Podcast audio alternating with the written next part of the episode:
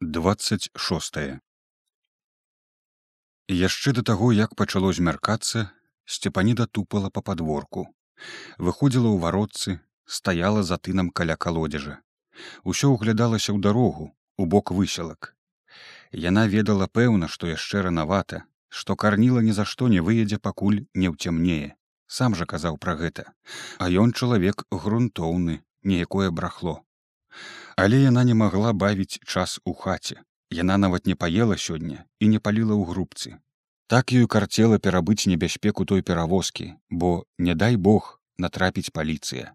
Што тады будзе абаім з паліцыяй яна ўжо сустракалася сёння ў мястэчку куды пайшла адразу ад карнілы з выселак дабралася да іхняй турмы ў царкоўным склепе. За той час як яна не была ў мястэчку паліцаі добра абстроіліся Да напаўразбітага цаглянага мура царквы зрабілі прыгародку з высокіх і тоўстых дошак і брамку, пры якой стаяў вартавы з вінтоўкай. Яна аж парадавалася, калі пазнала ў гэтым вартавым недасеку Антося і падумала, што ёй з самага пачатку пашэнціла. Мінаючы шырокую мутную лужыну, адразу павярнула з плошчы да гэтай брамкі, маючы намер як мага ласкавей запытацца пра петрака, перадаць яму харч, але недасека яшчэ здалёку спыніў яе злым вокрыкам. Назад нельга! Гэта ж я багацька з ехімоўшчыны сказала сцепаніда спыняючыся і падумаўшы што ён яе не пазнаў. Але і пасля яе слоў чорны цыганаваты твар недасекі застаўся ранейшы недаступны і строгі. Сказаў назад забаронена! Я толькі запытацца ці пятрок тут? Кажу забаронена! Назад Ах, каб ты спруцянеў. Злосна падумала сцепаніда і недаўменна перахапіла кошык з адной рукі на другую. Што ж цяпер рабіць? Скажы толькі куды пасадзілі. Таксама пачынаючы злавацца, попрасіла яна. Але недасека выглядаў такім непрыступным і злым, якім яна ніколі яго не бачыла. Нібы яго падмянілі кімсьці. Тады яна паспрабавала неўпрыкмет падысці да яго бліжэй не падыходзь прымяню аружыю вызверыўся паліцай хапаючы з пляча вінтоўку з расшчэпленым і склёпаным жалезкай прыкладам. Яна моўчкі пастаяла трохі і пайшла назад цераз гразкую небрукаваную плошчу на яе другі бок дзе ў спрытным каменным дамку з балконам атабарылася цяпер паліцыя. Яна думала можа там убачыць каго знаёмага запытаецца але здалёку яшчэ згледзела што і там на прыступках стаіць нейкая мурло ў шынялі і з вінтоўкай. Мабыць таксама варта. Нерашуча падышоўшы яна спынілася воддаль ля тэлеграфнага слупа з падпоркай. Паставіла на сушэйшае кошык. Чакала мо выйдзе гуш або каландзёнак каб запытаць. Але як на тое ліха з паліцыі ніхто не выходзіў. Ці ўсе яны там былі чым занятыя ці там проста не было нікога і яна ўсё стаяла на ветры які цірусіў дробным дожджыкам. Яе хустка дужа макрэла стылі на золі мокрыя ногі.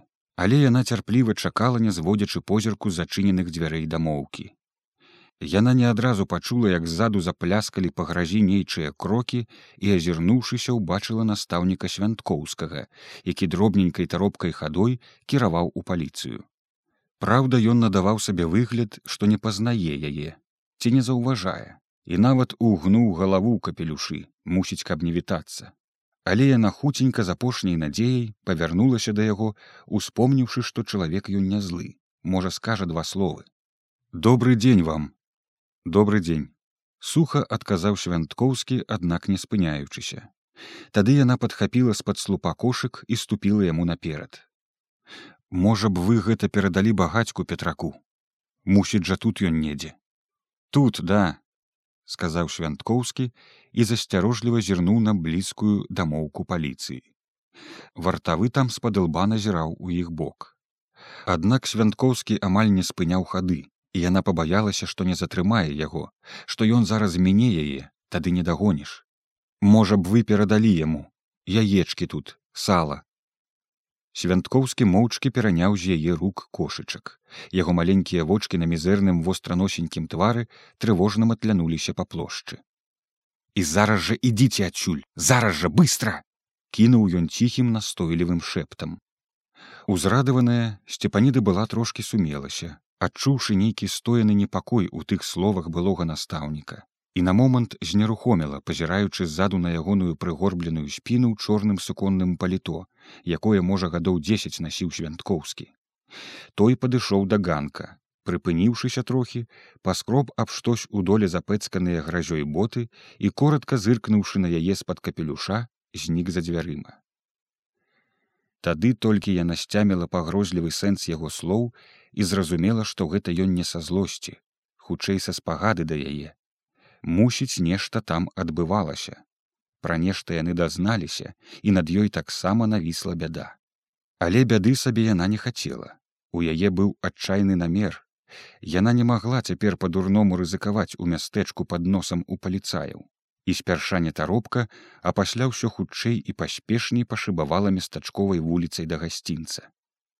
Мабыць, трэба было спяшацца, наўрад ці ў яе было многа часу, а спраў і клопату ў яе было безліч.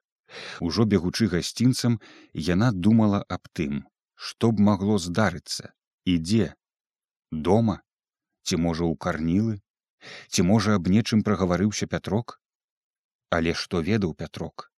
Яна даўно ўжо адраклася ад бабскай завядзёнкі пра ўсё балбатаць з мужиком. Мо таму, што Пятрок не дужа падзяляў яе думкі і з яўным недаверам адносіўся да яе намераў і планаў. Шмат што рабіла яна, як сама знала. Пятрок часам трохі бурчэў, але за гады прывык да яе незалежнасці, а то і першынства. І абаім, здаецца, было някепска. Не дай Бог, каб ён даведаўся цяпер пра вінтоўку, Ён бы памёр ад страху і добра што яна ад яго ўсё ўтаіла яна ўжо даўно пераканалася што толькі тое будзе ў сакрэце што ведаеш сам адзін і ніхто болей у свеце і то не заўсёды такі цяпер свет і такія людзі сцепаніда прыцішыла крок толькі на сваім падворку дзе з палёгкай уздыхнула як згледзела што тут усё па-ранейшаму нікога няма і ў прабоі коса тырчыць як тырчала уваткнутая ёю раніцай трэсачка. І яна подумала што можа гэта свянткоўскі сказаў проста так каб пастрашыць яе ці прагнаць ад паліцыі. Але ж яго сцішаны тон быў дужа падобны на змоўніцкі і таіў нейкае спачуванне. Мабыць усё ж тут нешта не так. Мабыць яшчэ нешта будзе нават не зайшоўшы ў хату сцепаніда засталася на падворку і пачала пільнаваць карнілу Яна неадрыўна ўзіралася ў шэры вечаровы прыцемак над шырокім прасцягам поля, дзе хутка раставалі ў шэрасці высялкоўскія хаты, дарога на пагорку, гасцінец з радам тэлеграфных слупоў. Заставаўся лепей відаць бліжні канец дарогі на хутар, але і ён паступова расплываўся, патанаў у змроку, цямнелася. Побач на падворку таксама сноўдаў сюды туды прыблудны сабачка ручка, калі яна спынялася узіраючыся ўдалеч. Ён таксама заміраў ля яе ног узіраўся і ўслухоўваўся ў нешта сваё сабачае. Але во ён неяк палахліва напружыўся завурчэў брахнуў коротко і пагрозліва. Сцепаніда ціха шыкнула на яго тупнуўшы ногой рудзька сціх а яна ўжо напэўна ведала хто там і падалася звароцца ў цемру яшчэ зводдаль яна ўчула ціхенькі стук кола ў выбоіне змораны дых коня неўзабаве на дарожцы паявіўся няпэўны варухлівы абрыс яго галавы воза. Побач валюхаста тупаў прысадзісты карніла з лейцамі ў руках. А я ўжо чакала. Ціха сказала сцепаніда пераймаючы на дарозе фурманку. Чаго ж чакаць? Як змерклася воза прог і паехаў. Дарога ж нядальняя. Нядальняя але Яна хацела сказаць, што цяпер і на блізкай можна налезці на немцаў або спаткацца з паліцыяй, якая поўзае ўсюды за сваёй спажывай. Ды і благі чалавек таксама мог выглядзець. Ці мала бяды цяпер падпільноўвае за тынам сваёй сядзібы. Але яна змоўчала, каб лішне не вярэдзіць душу сабе і карнілу. Абышлося і добра.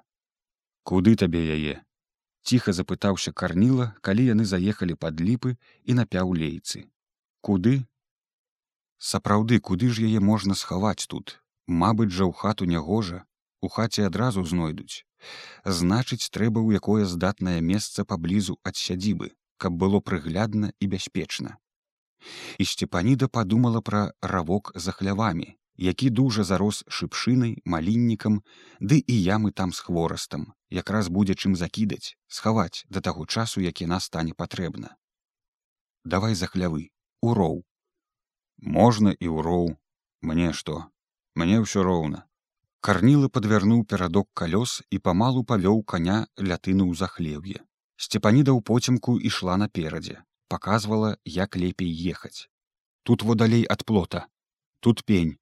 Во цяпер прама за мной яна лёгка і ўпэўнена ступала ў цемры бо ведала тут кожную былку ці патарчаку. А карніла штось поркаўся ззаду спыняўся ашчаджаў відаць воз ці каня трохі ён адстаў ад яе і сцепаніда пастаяла нядоўга прычакала яго і болей ужо не адрывалася аж покуль яны не дабраліся да хмызняку на ўзроўку.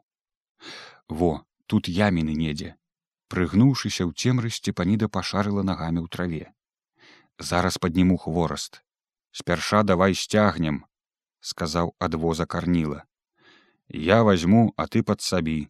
Усё ж груз яны сталі ля воза карніла аберуч пацягнуў бомбу з-пад сена сцепаніда падхапіла пад паху яе сцюдзёны жалезны хвост. Цяжкая халера. А ты думала затое моц мае не які там снарадзік сіла? Дужа асцярожна яны апусцілі даўгое слізкае ад дажджу цела бомбы на мокрую траву ўзроўка.